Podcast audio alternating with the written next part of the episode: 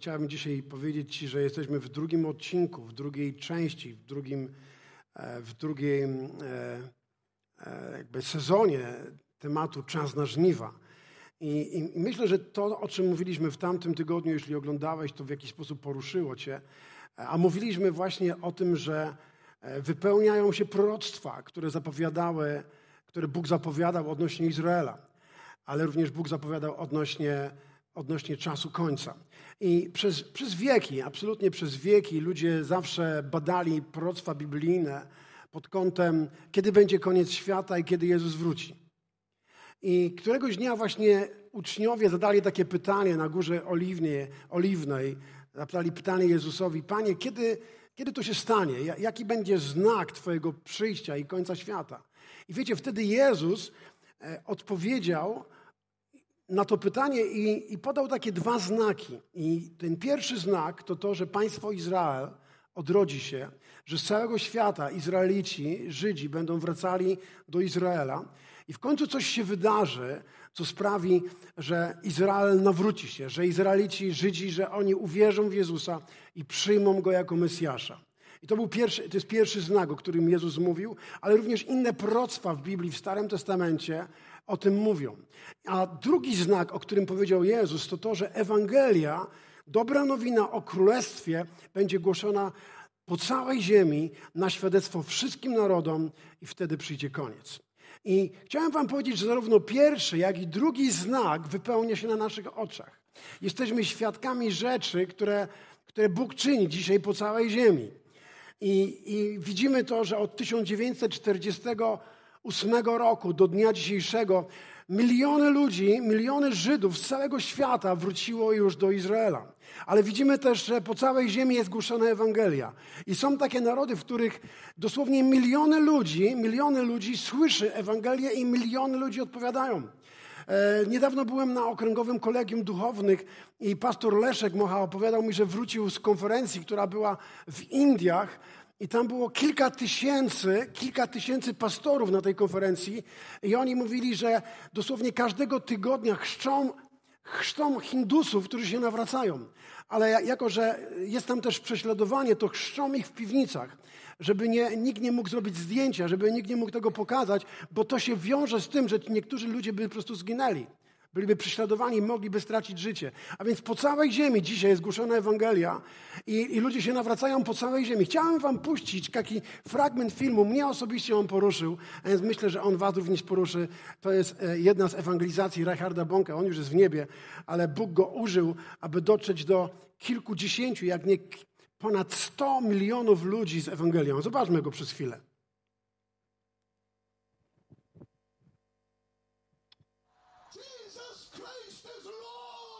Głośniej dajmy. Głośniej, żeby było jak najgłośniej. Jeszcze głośniej.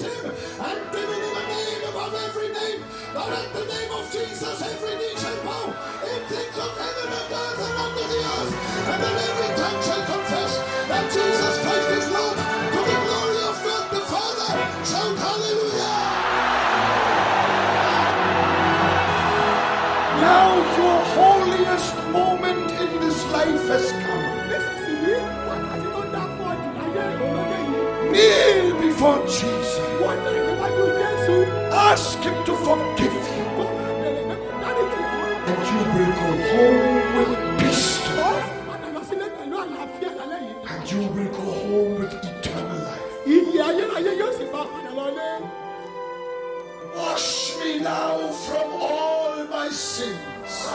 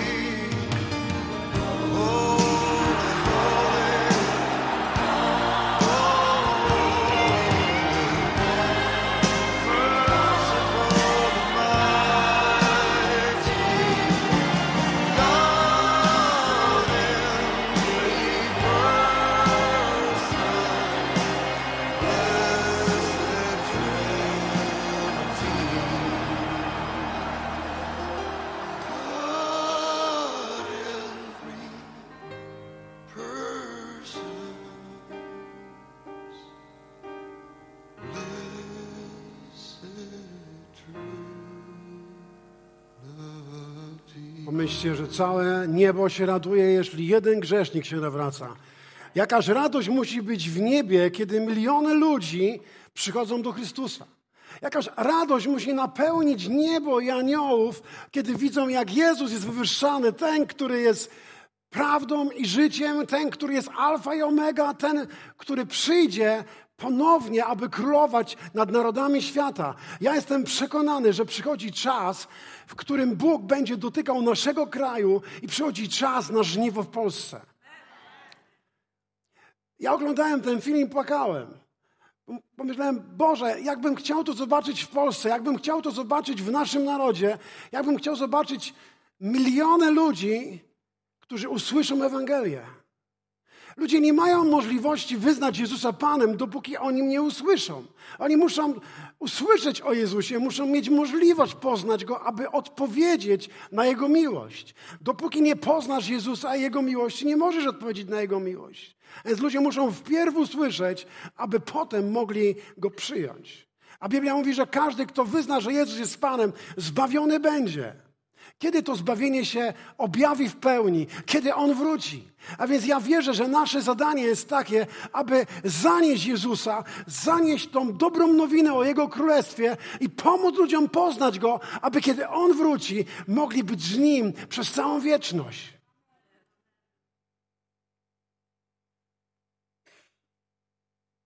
I myślę, że aby to się mogło stać, to to, co się musi zmienić w nas wierzących, to nasza motywacja. Musimy mieć, musi się zmienić motywacja dla żniwa. Bo wiesz, jeżeli nie masz właściwej motywacji, to nie jesteś w stanie wytrwać w niczym, ani e, w chodzeniu na siłownię, ani w diecie, ani nie jesteś w stanie wytrwać w nauce z językami obcymi. We wszystkim po prostu potrzebujemy motywacji, odpowiednio silnej, bo jeżeli, jeżeli nie, nie będziemy mieli silnej motywacji, to jesteśmy gotowi tylko na jakiś mały zryw, ale jeżeli będziemy mieli silną motywację, to tak jak, jak Reinhard Bonke poświęcimy życie i wszystko, aby Afryka, tak jak w jego przypadku, była obmyta krwią Jezusa. A więc, kiedy będziemy mieli właściwą motywację, to wszystko będziemy gotowi poświęcić, aby Polska była obmyta krwią Jezusa. A myślę, że mamy z czego być obmyci jako kraj. Już z przodu słyszałem trzy amen, a więc mam nadzieję, że kiedy będziemy dochodzili do końca, będzie więcej. Słabe, słaba motywacja nie jest w stanie wyzwolić pasji, a bez pasji nie jesteśmy w stanie zebrać żniwa. Jeszcze raz to powiem, bo to jest ważne. Słaba motywacja nie jest w stanie wyzwolić pasji, a bez pasji po prostu nie da się zebrać żniwo. Ludzie muszą mieć pasję, bo ludzie odpowiadają na pasję. Jeżeli przyjdziesz gdzieś i ktoś ci daje jakiś towar, i próbuje bez pasji cię do niego przekonać, a tak, może pan to kupić, jak pan chce. I nie masz przekonania do tego, co oferujesz, to nikt tego nie będzie chciał kupić. I my wiemy o tym, że jakikolwiek biznes, jeżeli chcemy coś promować, jeżeli chcemy przekonać kogoś do czegoś, to musimy mieć do tego pasję, musimy sami być przekonani, że to jest dobre. Jeśli nie masz przekonania, że to jest dobre, to inni też nie będą chcieli tego mieć. Musisz mieć przekonanie, musisz mieć pasję. A więc, jeżeli nie będziemy mieli pasji, to po prostu ten kraj nigdy nie pozna Jezusa. Ale jest Bóg musi zmienić naszą pasję, abyśmy mogli po prostu zaangażować się w żniwo. I dzisiaj będę mówił o sile, o sile motywacji, bo to właściwa motywacja prowadzi do pasji. Co Jezus wiedział, czego większość ludzi nie wie o żniwie? On musiał wiedzieć coś o żniwie, co powodowało, że miał tak wielką pasję dla żniwa.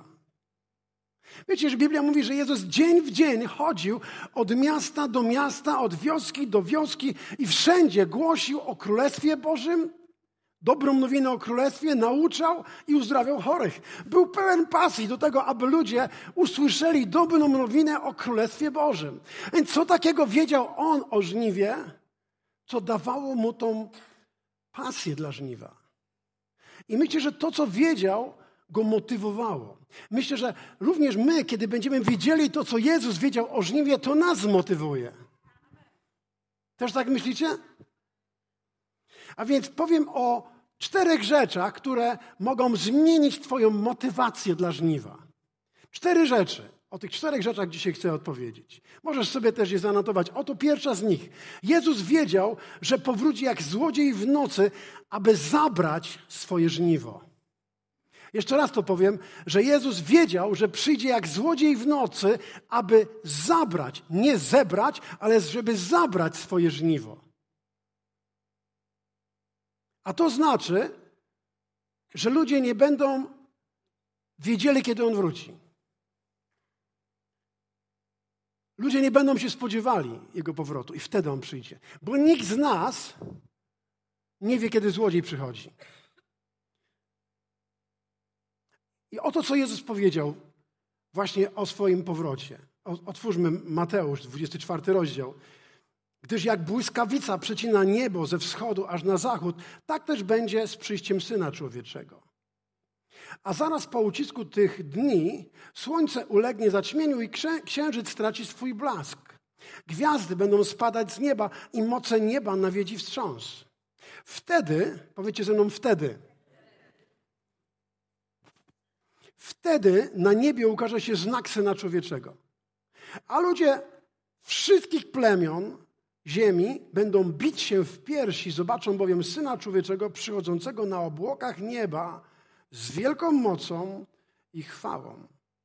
On natomiast pośle swoich aniołów z potężną trąbą, by zgromadzili Jego wybranych z czterech stron świata, od jednego krańca nieba aż po drugi. I wtedy czas żniwa się skończy. Już nie będzie można zbierać żadnego żniwa. Jezus tutaj mówi, że aniołowie przyjdą, aby zabrać żniwo do spichlerza. Oni nie przyjdą, żeby zebrać żniwo, bo to nie jest ich zadaniem. Oni przyjdą, aby zabrać żniwo, które my musimy zebrać, aby oni mogli go zabrać. Amen?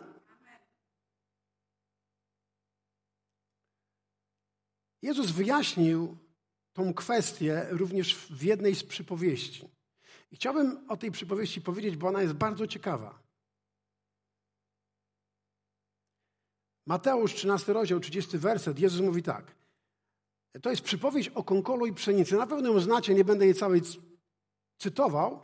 Przypowieść o konkolu i pszenicy. I, i on tam mówi, Jezus, że, że niektórzy przyjdą i powiedzą, pozwól nam zabrać konkol wcześniej. A on mówi, nie, nie, nie, nie, nie, nie, nie, nie, nie. Nie można go zabrać wcześniej. Musi rosnąć z pszenicą aż do żniwa. I teraz dalej Jezus mówi tak. Niech rosną razem, poczekajmy do żniw, wtedy powiem żeńcom, zbierzcie najpierw kąkol, powiążcie go w snopy i spalcie. Pszenicę natomiast przenieście do mego spichlerza. Jezus mówi, pszenicę przenieście do mojego spichlerza. Czyli kąkol zostanie spalony na ziemi, a pszenica zostanie przeniesiona do spichlerza. Amen? Rozumiemy to? Okay, to jest ważne, żebyśmy mogli podążać razem. E, I uczniowie nie do końca to właśnie rozumieli, a więc potem pytają, pytają wyjaśnij nam to podobieństwo pszenicy i konkolu. I Jezus im wyjaśnił, tłumacząc, dalej, to jest e, od 39 do 43 wersetu, żniwem jest kres tego wieku, a żeńcami aniołowie. U kresu tego wieku będzie tak, jak z konkolem, który zbiera się i pali. Syn człowieczy pośle swoich aniołów, a ci zbiorą z jego królestwa wszystkich, którzy wywołali skandale i dopuszczali się bezprawia. Potem wrzucą ich do ognistego pieca. Tam będzie płacz i zgrzytanie zębami. Wtedy sprawiedliwi wzejdą jak słońce w królestwie swego Ojca. Kto ma uszy, niech rozważy moje słowa. To jest, to jest mocne. I nieczęsto mówimy o tych rzeczach w kościele. Ale Jezus mówi: Kto ma uszy, niech rozważy moje słowa. Musimy zastanowić się nad nimi. To ma ogromny sens, bo Jezus tutaj mówi, że kiedy przyjdą aniołowie, to z jednej strony będą mieli, będzie płacz i zgrzytanie zębami, a z drugiej strony będzie wiele radości, bo sprawiedliwi wzejdą jak słońce w królestwie swego Ojca.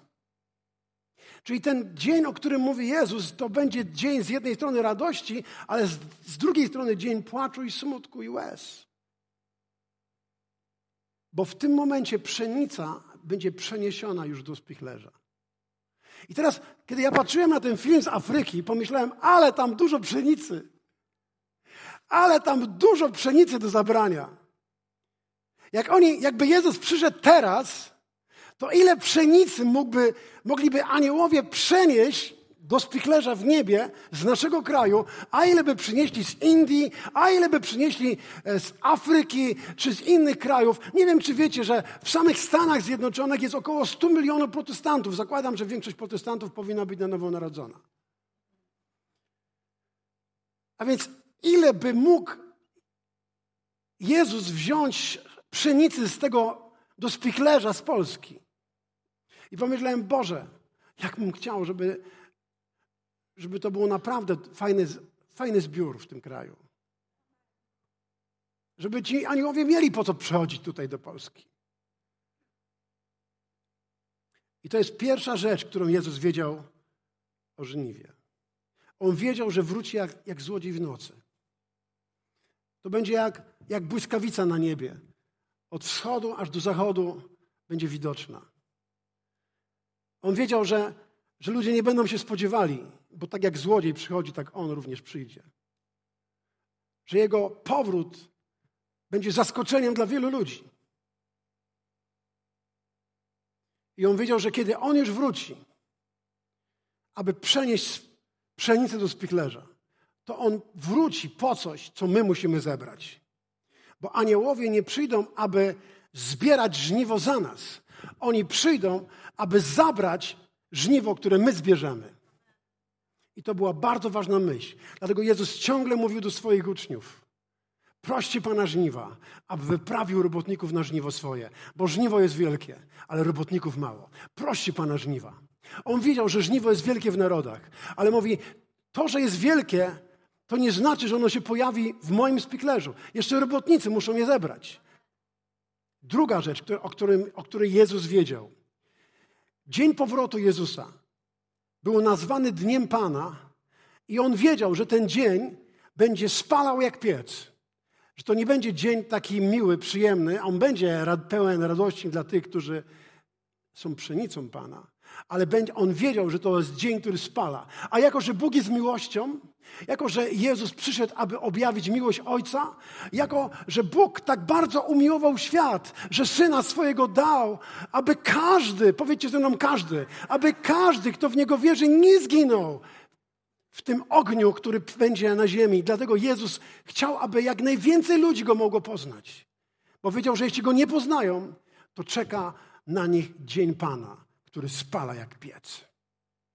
I pokażę wam to z, z, Biblii, żebyśmy mieli też świadomość. Będzie to też wyświetlone. Malachiasz, trzeci rozdział. Ostatnia księga Starego Testamentu. Bo oto nadchodzi dzień, który spala jak piec. 19-20 werset. Wtedy wszyscy zuchwali i wszyscy niegodziwi będą niczym słoma. Pochłonie ich ten nadchodzący dzień, mówi Pan zastępów. Także nie zostanie im korzeń ani gałązka. Lecz dla was, bojących się mego imienia, wzejdzie słońce sprawiedliwości z uzdrowieniem na swoich skrzydłach. Będziecie wychodzić, wychodzić w podskokach jak cielęta z obory. Wow! To dzień radości. Dla nas wzejdzie słońce sprawiedliwości. Nie, nie wiem, jak cielęta wychodzą Będziemy wychodzili jak cielęta, wychodzą z obory, po prostu w pełnej radości. Ja mam psa, który, który jak go biorę rano na spacer, to on wychodzi jak ciele z obory. Po prostu on tak sobie podskakuje. On dosłownie jak skaka jak żaba po prostu ten pies. Tak bardzo lubi, jak, jak go biorę na spacer. O ileż większa radość będzie, kiedy zobaczymy Jezusa.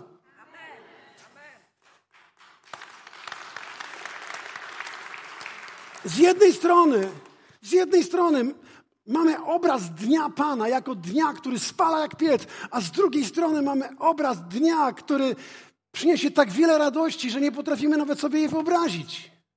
A więc Jezus nie chciał, żeby, dlatego że Bóg jest miłością. Powiedzcie, Bóg jest miłością. A więc On nie chciał, żeby ktokolwiek, kogokolwiek spotkało to, co przyjdzie w dniu Pana. On chciał, żeby każda osoba mogła doświadczyć tej radości zbawienia. Dzisiaj rano sobie czytałem psalm to tak nie, nie planowałem, ale taki ma, mały zjazd z tej trasy, którą mam dzisiaj obraną. I, I, ten psalm mnie tak dotknął, bo nigdy nie widziałem tego wersetu, ale teraz go zobaczyłem. Zobaczcie, tu jest napisane, tym, którzy rozkochali się w Twoim zbawieniu, niech nie zabraknie powodów, by mówić, Pan jest wielki. Ci, którzy rozkochali się w Twoim zbawieniu. Wow, rozkochali się w zbawieniu. Wiecie, kochani, wie, bracia, siostry, my musimy się rozkochać w tym, co Jezus zrobił. Musimy rozkochać się w naszym zbawieniu, bo wiesz, kiedy jesteś czymś rozkochany, to jesteś przekonywujący. Ale jeżeli ty nie jesteś sam rozkochany, ale chodzisz przygnębiony, Asia tu mówiła, że czasami diabeł nas ściąga w dół i chce sprawić, że stracimy radość. Ale jeżeli jesteśmy rozkochani i pełni radości, to jesteśmy przekonywujący dla tego świata.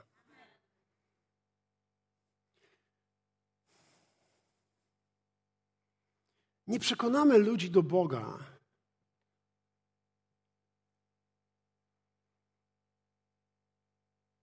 Poselstwem mówiącym o piekle. Ale przekonamy ludzi do Boga poselstwem mówiącym o Jego miłości, o Jego dobroci. Wiesz dlaczego? Dlatego, że Biblia mówi, że dobroć Pana prowadzi do upamiętania. Dobroć Pana. Gdy ludzie odrzucają Jego dobroć, wtedy czeka ich sąd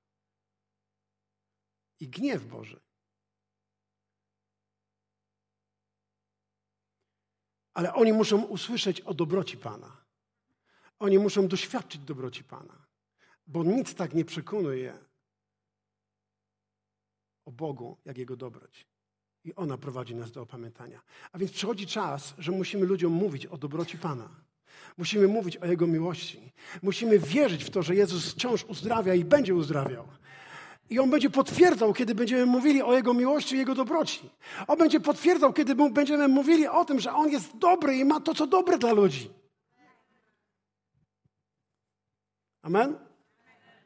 A więc Jezus wiedział, że dzień Jego powrotu będzie dniem, który będzie spalał jak piec. Kolejne miejsce to jest Izajasz, 13 rozdział, proroctwo Izajasza. Tam jest napisane: Zawódźcie, bo bliski jest dzień Pana. Przychodzi on od wszechmocnego jako niszczący cios. Dalej w dziewiątym wersecie Izajasz mówi, 13 rozdział: Oto nadchodzi dzień Pana okrutny. Dzień zburzenia i gwałtownego gniewu, aby obrócić ziemię w pustkowie, a grzesznikom na niej położyć kres. Wow, to jest mocne. Wiesz, to jest część Ewangelii. Każda moneta ma dwie strony, każdy kij ma dwa, też dwie strony. A więc dobra nowina jest dobrą nowiną, ale ona ma też tą złą stronę, że ci, którzy odrzucają, będą musieli sami zapłacić za swoje grzechy, a karą za grzech jest śmierć. A więc naszym zadaniem jest to, aby zanieść tą dobrą nowinę do naszego narodu, bo jeśli ludzie nie usłyszą o Jezusie i nie poznają Go, będą musieli sami odpowiedzieć za swoje grzechy. I czeka ich dzień Pana, o którym Jezus mówił, że będzie strasznym dniem, który spala. Więc to jest to, co Jezus wiedział o swoim powrocie i o dniu Pana, i to go motywowało. Czy to nas też jakoś motywuje? posłuchajcie, gdyby to miało dotyczyć twoją, Twojej mamy, Twojego taty, Twojego brata, siostry, dalej, Twojego dziecka, kogoś, kogo kochasz, Gdyby to miało spotkać kogoś, kogo kochasz, co powinieneś zrobić? Wszystko, aby tego nie spotkało. A drogą do tego jest tylko, jest tylko jedna droga. Jest nią Jezus. Jest tym tylko Jezus. Nie religia, nie ten czy inny kościół. Jest Jezus.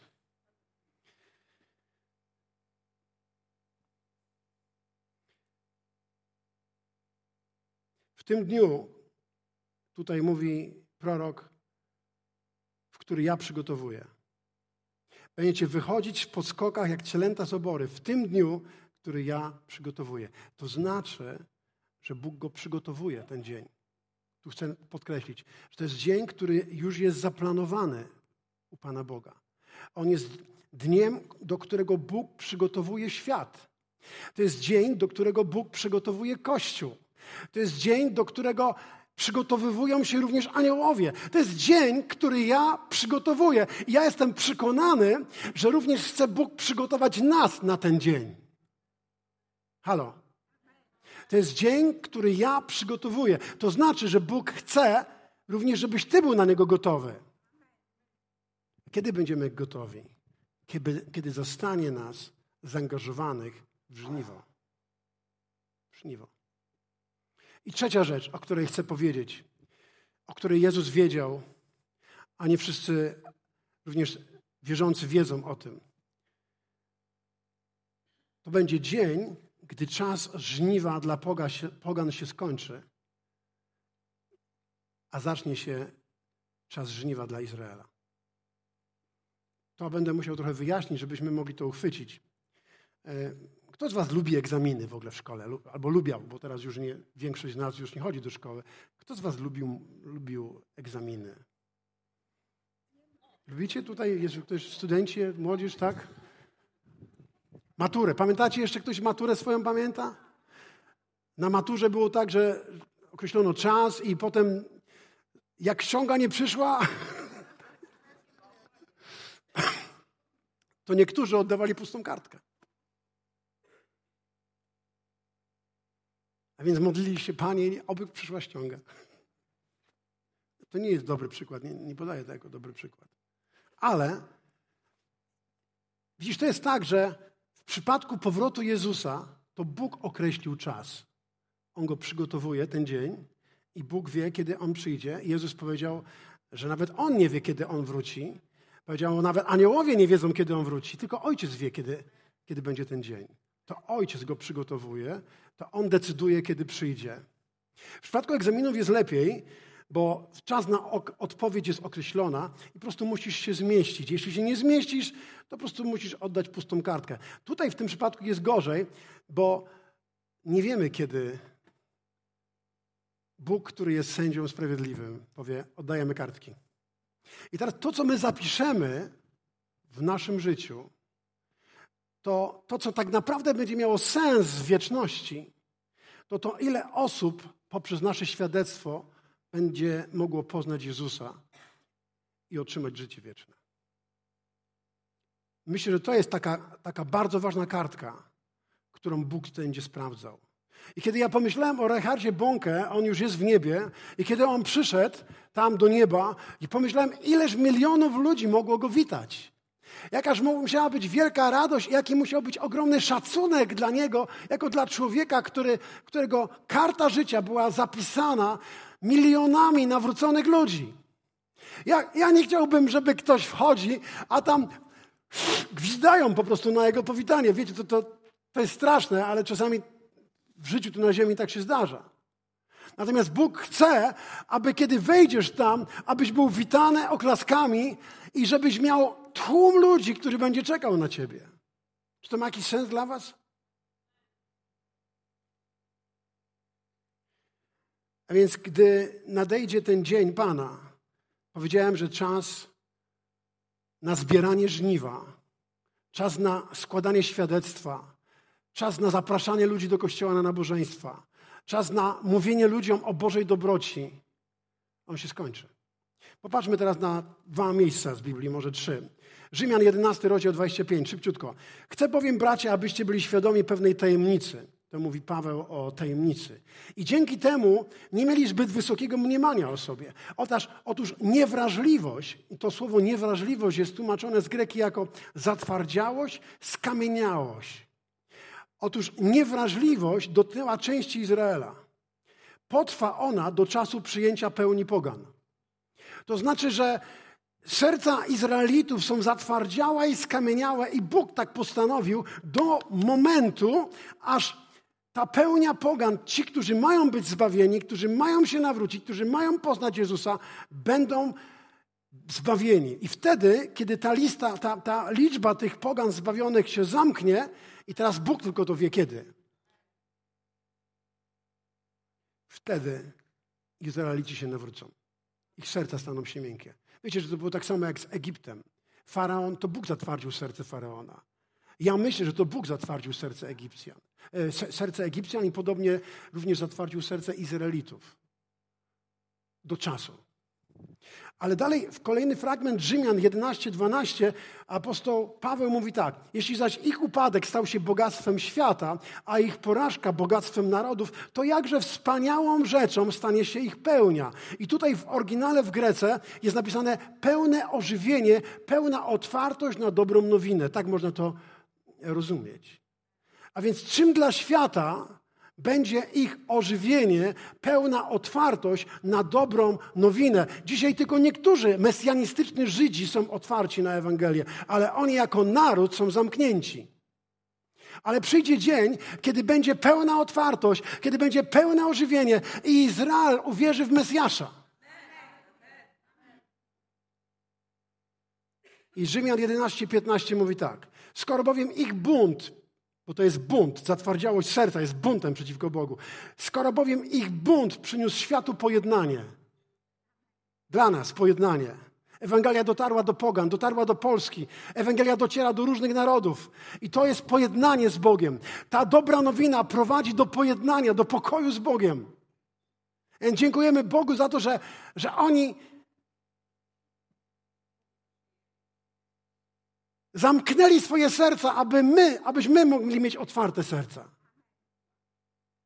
I tu jest napisane, jeśli ich bunt przyniósł światu pojednanie, to co przyniesie ich przyjęcie, jeśli nie wzbudzone z martwych życie? A inne tłumaczenie mówią, jeśli nie wzbudzenie do życia z martwych. A więc ich przyjęcie będzie wzbudzeniem z martwych dla tych, którzy uwierzyli z pogan zostaniemy pochwyceni na odgłos trąby Bożej w okamgnieniu. Ci, którzy umarli, nasi bliscy, którzy umarli w Chrystusie, wzbudzeni zostaną z martwych. A ci, którzy doczekamy przyjścia Jezusa, ja wierzę, że jesteśmy pokoleniem, który ma szansę doczekać powrotu Jezusa. Moja żona też tak wierzy. Że mamy szansę doczekać powrotu, a więc dbaj o zdrowie, bo to będzie bardzo duże widowisko. Fantastyczne widowisko. Tyle radości nigdy nie będziesz miała, jak właśnie w czasie tego widowiska. Amen? Piękny dzień. Dzień Pana. Będziemy jak cielęta z obory wychodzili po skokach. Światłość będzie. Więc apostoł, apostoł Paweł napisał, że ich nawrócenie będzie naszym powstaniem z martwych, naszym pochwyceniem na, na obłoki. I aby to się stało, to muszą wypełnić się wszystkie te proroctwa, które Bóg zapowiedział o Izraelu. I ostatnio badałem te proroctwa, bo to był taki temat na, na topie. Więc badałem proroctwa z księgi Daniela, z księgi Ezechiela, z Zachariasza, Habakuka, również księgi objawienia o Izraelu. I tam jest w tych księgach proroczych jest napisane, że będzie powszechny antysemityzm na świecie że narody świata staną przeciwko Izraelowi. Wojska z północy, czyli to jest teren Rosji, staną przeciwko Izraelowi. Będą narody sprzysiężone, aby walczyć z Izraelem. I tam jest napisane również w Bożym Słowie, że wtedy Izrael zacznie wołać do Boga. I jestem przekonany, że wtedy uwierzy w Mesjasza i będzie wołał Jezu, ratuj. A więc rzeczy, które dzieją się dzisiaj w geopolityce, które się dzieją na świecie, które dzieją się na Bliskim Wschodzie, musimy na nie patrzeć nie tylko oczami mądrych geopolityków, ale musimy patrzeć oczami duchowymi, że rzeczy muszą się wydarzyć, bo Izrael musi się nawrócić, bo ich nawrócenie będzie naszym powstaniem do życia zmartwych. Amen?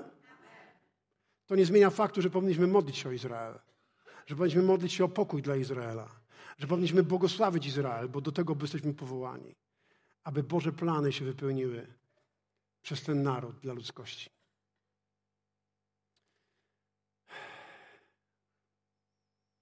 Jak myślisz? Jak myślicie? Gdyby wierzący wiedzieli to, co Jezus wiedział, powiedziałem dzisiaj o trzech rzeczach, o których Jezus wiedział, o których często my jesteśmy nieświadomi. Gdyby wierzący wiedzieli to, co Jezus wiedział o tym dniu, czy to mogłoby jakoś wpłynąć na nasze zaangażowanie w żniwo? Jak myślicie? Te trzy rzeczy. Czy to jest wystarczające, te trzy? Bo kiedy przygotowywałem się do słowa, zobaczyłem, że Jezus o tym mówił cały czas swoim uczniom. Oni również znali księgi prorocze Starego Testamentu. Potem Biblia mówi, że Jezus ukazał się po swoim zmartwychwstaniu, ukazywał się im przez 40 dni i mówił ciągle o nadejściu Królestwa Bożego, a więc prawdopodobnie tłumaczył im to wszystko jeszcze raz, jeszcze raz i jeszcze raz. On wałkował z nimi te wszystkie przypowieści, tłumaczył im, ale to i tak było za mało. I powiedział w końcu im tak: musicie pozostać w Jerozolimie i oczekiwać na obietnicę Ojca. Ale kiedy, kiedy obietnica się wypełni i Duch Święty przyjdzie, inaczej mówiąc, zostaniecie zanurzeni w Duchu Świętym. Wtedy dopiero będziecie mogli być moimi świadkami w Jerozolimie, w Judei, w Samarii i aż po krańce ziemi. A więc Jezus powiedział te trzy rzeczy, mimo że o nich wiemy, to jeszcze jest za mało. Potrzebujemy czwartej, potrzebujemy chrztu miłością, a chrzest miłości przychodzi przez napełnienie Duchem Świętym. I kiedy zobaczysz kogoś napełnionego Duchem Świętym, to możesz być pewny, że jest napełniony miłością, bo pierwszym owocem Ducha Świętego to jest miłość. Potem dopiero mamy radość, mamy pokój, mamy uprzejmość, cierpliwość, łagodność i tak dalej, i tak. Ale pierwsza rzecz, którą Jezus powiedział, że On wiedział, że Jezus to zrobi, to napełni ich miłością. Bo musimy mieć tą samą miłość, którą Jezus miał, a On miał miłość Ojca do, do zgubionych. A więc wiedział, że potrzebujemy tej czwartej rzeczy. I mówię Ci, Kościele, możesz wiedzieć o tych wszystkich trzech rzeczach, o których Jezus wiedział od Dniu Pana, ale i tak będziesz zamknięty na zgubionych. Ale kiedy Bóg ochrzci Cię miłością, Ty nie będziesz w stanie nie mówić o Jezusie. To, czego potrzebujemy, to teraz czwartej rzeczy. Czwartej rzeczy. Chrztu miłości. Jesteście gotowi na ten ostatni punkt? Mam jeszcze parę minut. Popatrzmy na Mateusza. Dziewiąty rozdział. To jest bardzo ważny fragment. 35-38.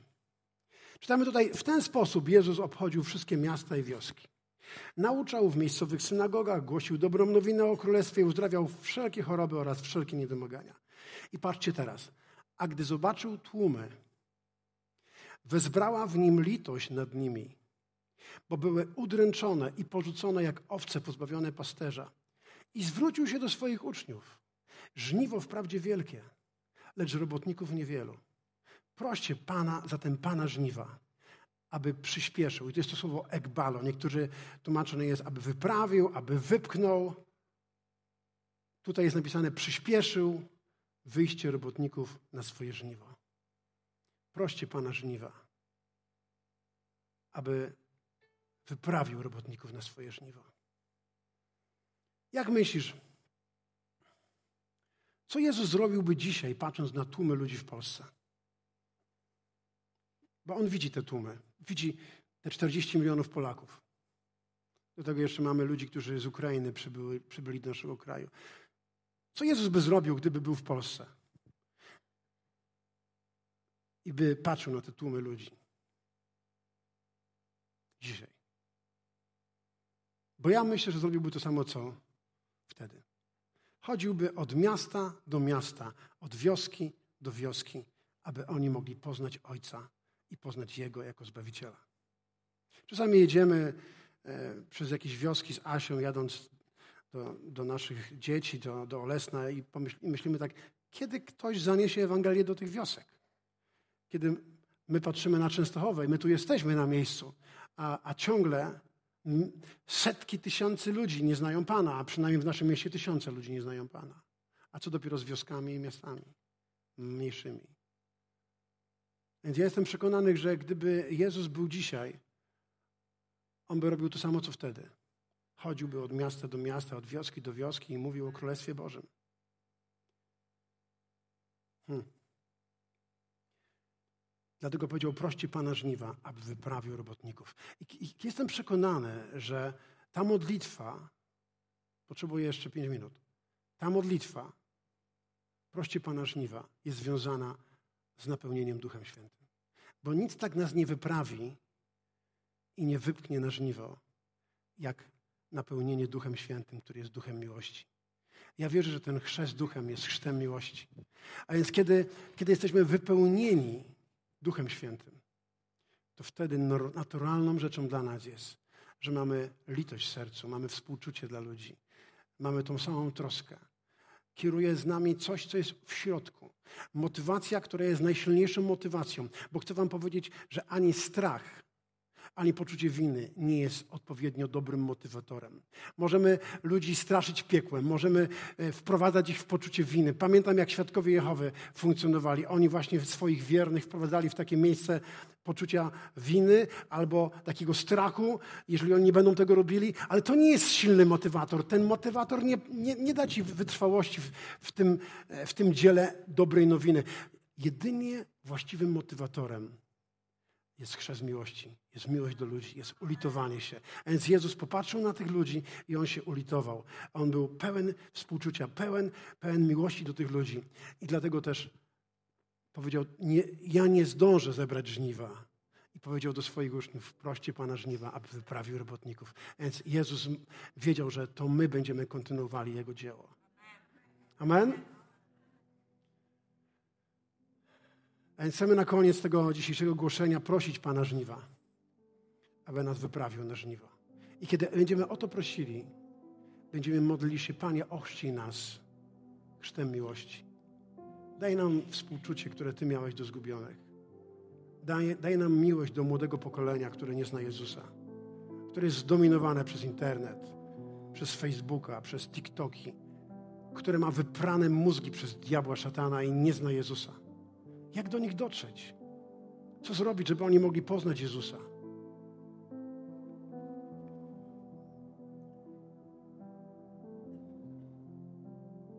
Ostatnio wrzuciłem sobie w internet jakieś takie opracowanie z policji, które wskazywało, że w naszym kraju każdego roku jest 14,5 tysiąca prób samobójczych co trzecia jest skuteczna. Więc ponad 5 tysięcy ludzi popełnia skutecznie samobójstwo każdego roku. I to jest dwa razy więcej niż śmiertelnych wypadków na drogach. Dwa razy więcej, około 2,5 tysiąca jest wypadków śmiertelnych na drogach w Polsce w roku, a dwa razy więcej ludzi popełnia samobójstwo. I głównie to jest młodzież i seniorzy. Według tych badań od ostatniego roku o 70% zwiększyła się liczba samobójstw wśród młodzieży dzieci i młodzieży. O 70%. Z czego to wynika? Z tego, że oni nie mają celu dla swojego życia, nie znają Jezusa, który jest życiem. Nie doświadczyli pokoju, nie doświadczyli Bożej dobroci, nie znają Pana. I, I, dla nich życie nie ma żadnego sensu, bo życie bez Jezusa nie ma sensu. A my mamy, mamy Go, po prostu znamy Jezusa. Powinniśmy zanieść ludziom tą dobrą nowinę. Więc musimy dotrzeć do młodego pokolenia do młodzieży, do dzieciaków, do studentów. Musimy do nich dotrzeć. Zrobić wszystko, aby mogli poznać Jezusa. Kiedyś Jezus powiedział, i to jest ostatnia rzecz, którą chcę powiedzieć. Powiedział, że jarzmo moje jest miłe, a brzemię lekkie. Znacie ten fragment? Mateusz 11 rozdział, o ile pamiętam, 21 werset. I mówi, weźcie na siebie moje jarzmo i uczcie się ode mnie, że jestem cichy i pokornego serca. Weźcie moje jarzmo. I mówi dalej, tłumaczy, że moje jarzmo jest miłe, a brzemię lekkie. Pomyśl, o jakim jarzmie on mówił? Co było jego jarzmem? Co było tym, tym brzemieniem, które go przytłaczało, kiedy patrzył na tłumy? Żeby poznali Ojca, żeby poznali Jego Syna Bożego żeby kiedy Jezus wróci i aniołowie przyjdą, aby zabrać Jego żniwo, aby w każdym narodzie były miliony ludzi, którzy z Nim będą, bo On nie chce, aby ktokolwiek zginął, dlatego że piekło jest zachowane, piekło jest przeznaczone dla, dla diabła i dla jego aniołów. Dla szatana i dla jego aniołów. Tak jest w Biblii, nie dla człowieka. Piekło nie jest dla człowieka. Piekło jest dla diabła i dla jego aniołów. Więc Jezus nie chce. To było jego brzemiem. To to popychało go na krzyż to to prowadziło go, aby złożył swoje życie za ciebie i za mnie. To to prowadziło go do tego, że ze swoimi uczniami chodził od miasta do miasta, od wioski do wioski i wszędzie głosił Ewangelii. To było jego jarzmo, to było jego brzemię. A, a on teraz mówi: weźcie na, na siebie moje brzemię. Weźcie moje jarzmo. Co to jest jarzmo? Pokażmy tego, te dwa bawoły, czy tam woły. Na moment. My, my dzisiaj nie używamy już wołów.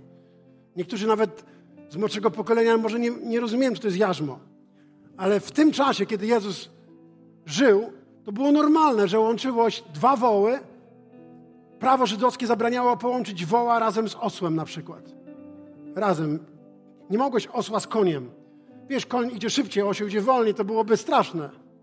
Więc prawo żydowskie nie pozwalało na to. I on mówi tak, weźmy moje jarzmo. Jezus łączy się z tymi, którzy mają Jego ducha. On jarzmem łączy się z tymi, którzy są Jego braćmi i siostrami. On nie bierze kogoś, kto jest innego rodzaju. Jesteśmy Bożego rodzaju. Jesteśmy Bożymi dziećmi. Jesteśmy synami i córkami Boga. Jesteśmy powołani, stworzeni do tego, aby zebrać żniwo. Jesteśmy tego samego rodzaju, bo On nas uczynił nowymi ludźmi, nowym stworzeniem. Służba pojednania to jest coś, co Bóg nam powierzył, każdemu z nas. Każdemu z nas, bez względu czy biedny, czy bogaty, czy uczony, czy nieuczony, każdy z nas jest powołany do tego samego celu. I Jezus mówi: weźcie moje jarzmo. Pomyśl teraz, kiedy jesteś połączony jarzmem z Jezusem. I Jezus chce iść w lewo, a ty chcesz iść w prawo. Co się dzieje? Jego jarzmo staje się ciężkie. Jego jaż, jarzmo powoduje cierpienie. Kiedy On chce iść w lewo, a Ty chcesz iść w prawo. Kiedy On chce zebrać żniwo, a Ty mówisz, a ja kocham ten świat, kocham pieniądze, kocham życie, które daje mi ten świat i chcesz iść w prawo, nie masz czasu. Mówię, nie, nie, nie, Jezu. Ty wiem, że chcesz, żebym głosił Ewangelię. Chcesz, żebym świadczył o Jezusie. Chcesz, żebym opowiadał innym, żebym wykorzystał te wszystkie wydarzenia, które się dzieją, koncert, The Chosen, cokolwiek. Ale mówisz, ale ja nie mam czasu, ja mam swoje sprawy i Ty idziesz w prawo. Wtedy to brzemię staje się ciężkie wtedy to jarzmo staje się trudne dla ciebie i nie jest miłe. Ale co się dzieje, kiedy trwasz w Jezusie? Kiedy masz Jego serce, kiedy jesteś wypełniony Jego duchem, kiedy On cię zanurzył w chrzest miłości i masz to w sercu, co On miał w sercu, bo jesteś połączony z Ojcem. Wtedy to jarzmo jest miłe. Wtedy masz pasję. Wtedy ty wtedy robisz to z radością i nikt cię nie musi przekonywać. Wy weź tę ulotkę, zanieść komuś. Nie, ty po prostu szukasz każdej okazji, aby powiedzieć ludziom o Jezusie te dwa woły idą w tym samym kierunku. I wcale te jarzmo nie jest dla nich ciężkie. Ten jeden jest posilony przez tego drugiego. A kiedy jesteś w jarzmie z Jezusem, On będzie posilał Cię. On będzie z Tobą. Nie musisz się martwić. Nie, nie musisz się spinać. Niektórzy mówią spinać pośladków. Nie wiem o co chodzi z tymi pośladkami. Nie musisz tych spinać pośladków. Nie musisz się spinać. Nie musisz myśleć. On jest z Tobą. On jest z Tobą. I powiedział, idźcie i głoście Ewangelię, a ja będę z Wami po wszystkie dni, aż do skończenia świata. Idźcie, będę z Wami, będę z Wami, będę z Wami, będę z Wami. Wstajmy. Trzeba skończyć, bo oni już nie mogą się doczekać, kiedy ja zakończę. Aleluja. Będziemy modlili się o chrzest miłością. Potrzebujemy tej czwartej rzeczy. Ja, ja wiem, że ja potrzebuję miłości do ludzi. Ja gdzieś utraciłem, to kiedyś miałem więcej, ale ja to utraciłem. Przyznaję Wam, ja to utraciłem. Ja się skupiłem tak bardzo do wewnątrz, na kościele, na różnych sprawach, projektach, ale ja nie chcę tak żyć. Nie chcę zmarnować reszty moich dni. Nie chcę, aby tak wyglądało. Mam już, jestem po 60 i nie wiem, ile będę musiał, będę, będę jeszcze żył, ale chcę dobrze wykorzystać ten czas. Potrzebuję, aby Pan mnie na nowo ochrzcił. Pamiętasz ten moment, kiedy byłeś ochrzczony miłością? Pamiętasz ten moment, kiedy, kiedy głosiłeś Ewangelię każdego dnia? Pamiętasz ten moment, kiedy świadczyłeś swoim znajomym? A kiedy oni już przyszli, to, to płakałeś, kiedy oni oddawali życie Jezusa. Pamiętasz ten moment? To są najpiękniejsze momenty w życiu. One idą za Tobą w wieczność. Potrzebujemy chrztu miłością. Ale Pan napełni nas miłością byśmy się ulitowali nad ludźmi tak jak Jezus i zanieśli im dobrą nowinę o Królestwie. Módlmy się. Ojcze w niebie, stajemy dzisiaj przed Tobą. Panie, nie chcemy grać w nic.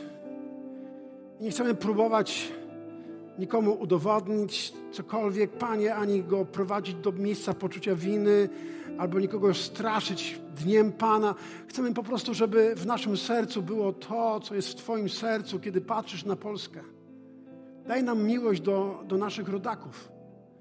Daj nam miłość do naszego narodu. Daj nam miłość do Polaków. Daj nam tą troskę o ich zbawienie. Daj nam pragnienie, by poznali Jezusa. nie pozwól, żebyśmy żyli dla siebie, ale chcemy żyć dla tego, który nas umiłował i który wydał samego siebie za nas. Chcemy żyć dla Bożych celów, chcemy mieć to samo jarzmo, które Ty miałeś. Ojcze, modlę się teraz, abyś włożył swoje brzemię na każdą osobę na tym miejscu. Jest moją modlitwą, modlitwą nałóż na nas swoje brzemię, Jezu. Połącz nas swoim jarzmem, abyśmy mogli pójść z Tobą, Panie, i spraw, aby to jarzmo stało się miłe, słodkie, lekkie dla każdego z nas. Ojcze, to jest moją modlitwą. Panie, spraw, aby to, co dowiedzieliśmy się dzisiaj o tym Dniu Pana, aby nas napełniało bojaźnią Bożą, ale też napełniało nas tym pragnieniem, by ludzie poznali Jezusa. To jest moją modlitwą. To jest moją modlitwą. Pozwól nam zebrać żniwo w 2024. Ale chcemy, nie, nie chcemy też czekać do 2024, chcemy już teraz zacząć. Więc użyj nas. Użyj nas i błogosław nasz kraj potężnym, wspaniałym żniwem w imieniu Jezusa. Amen.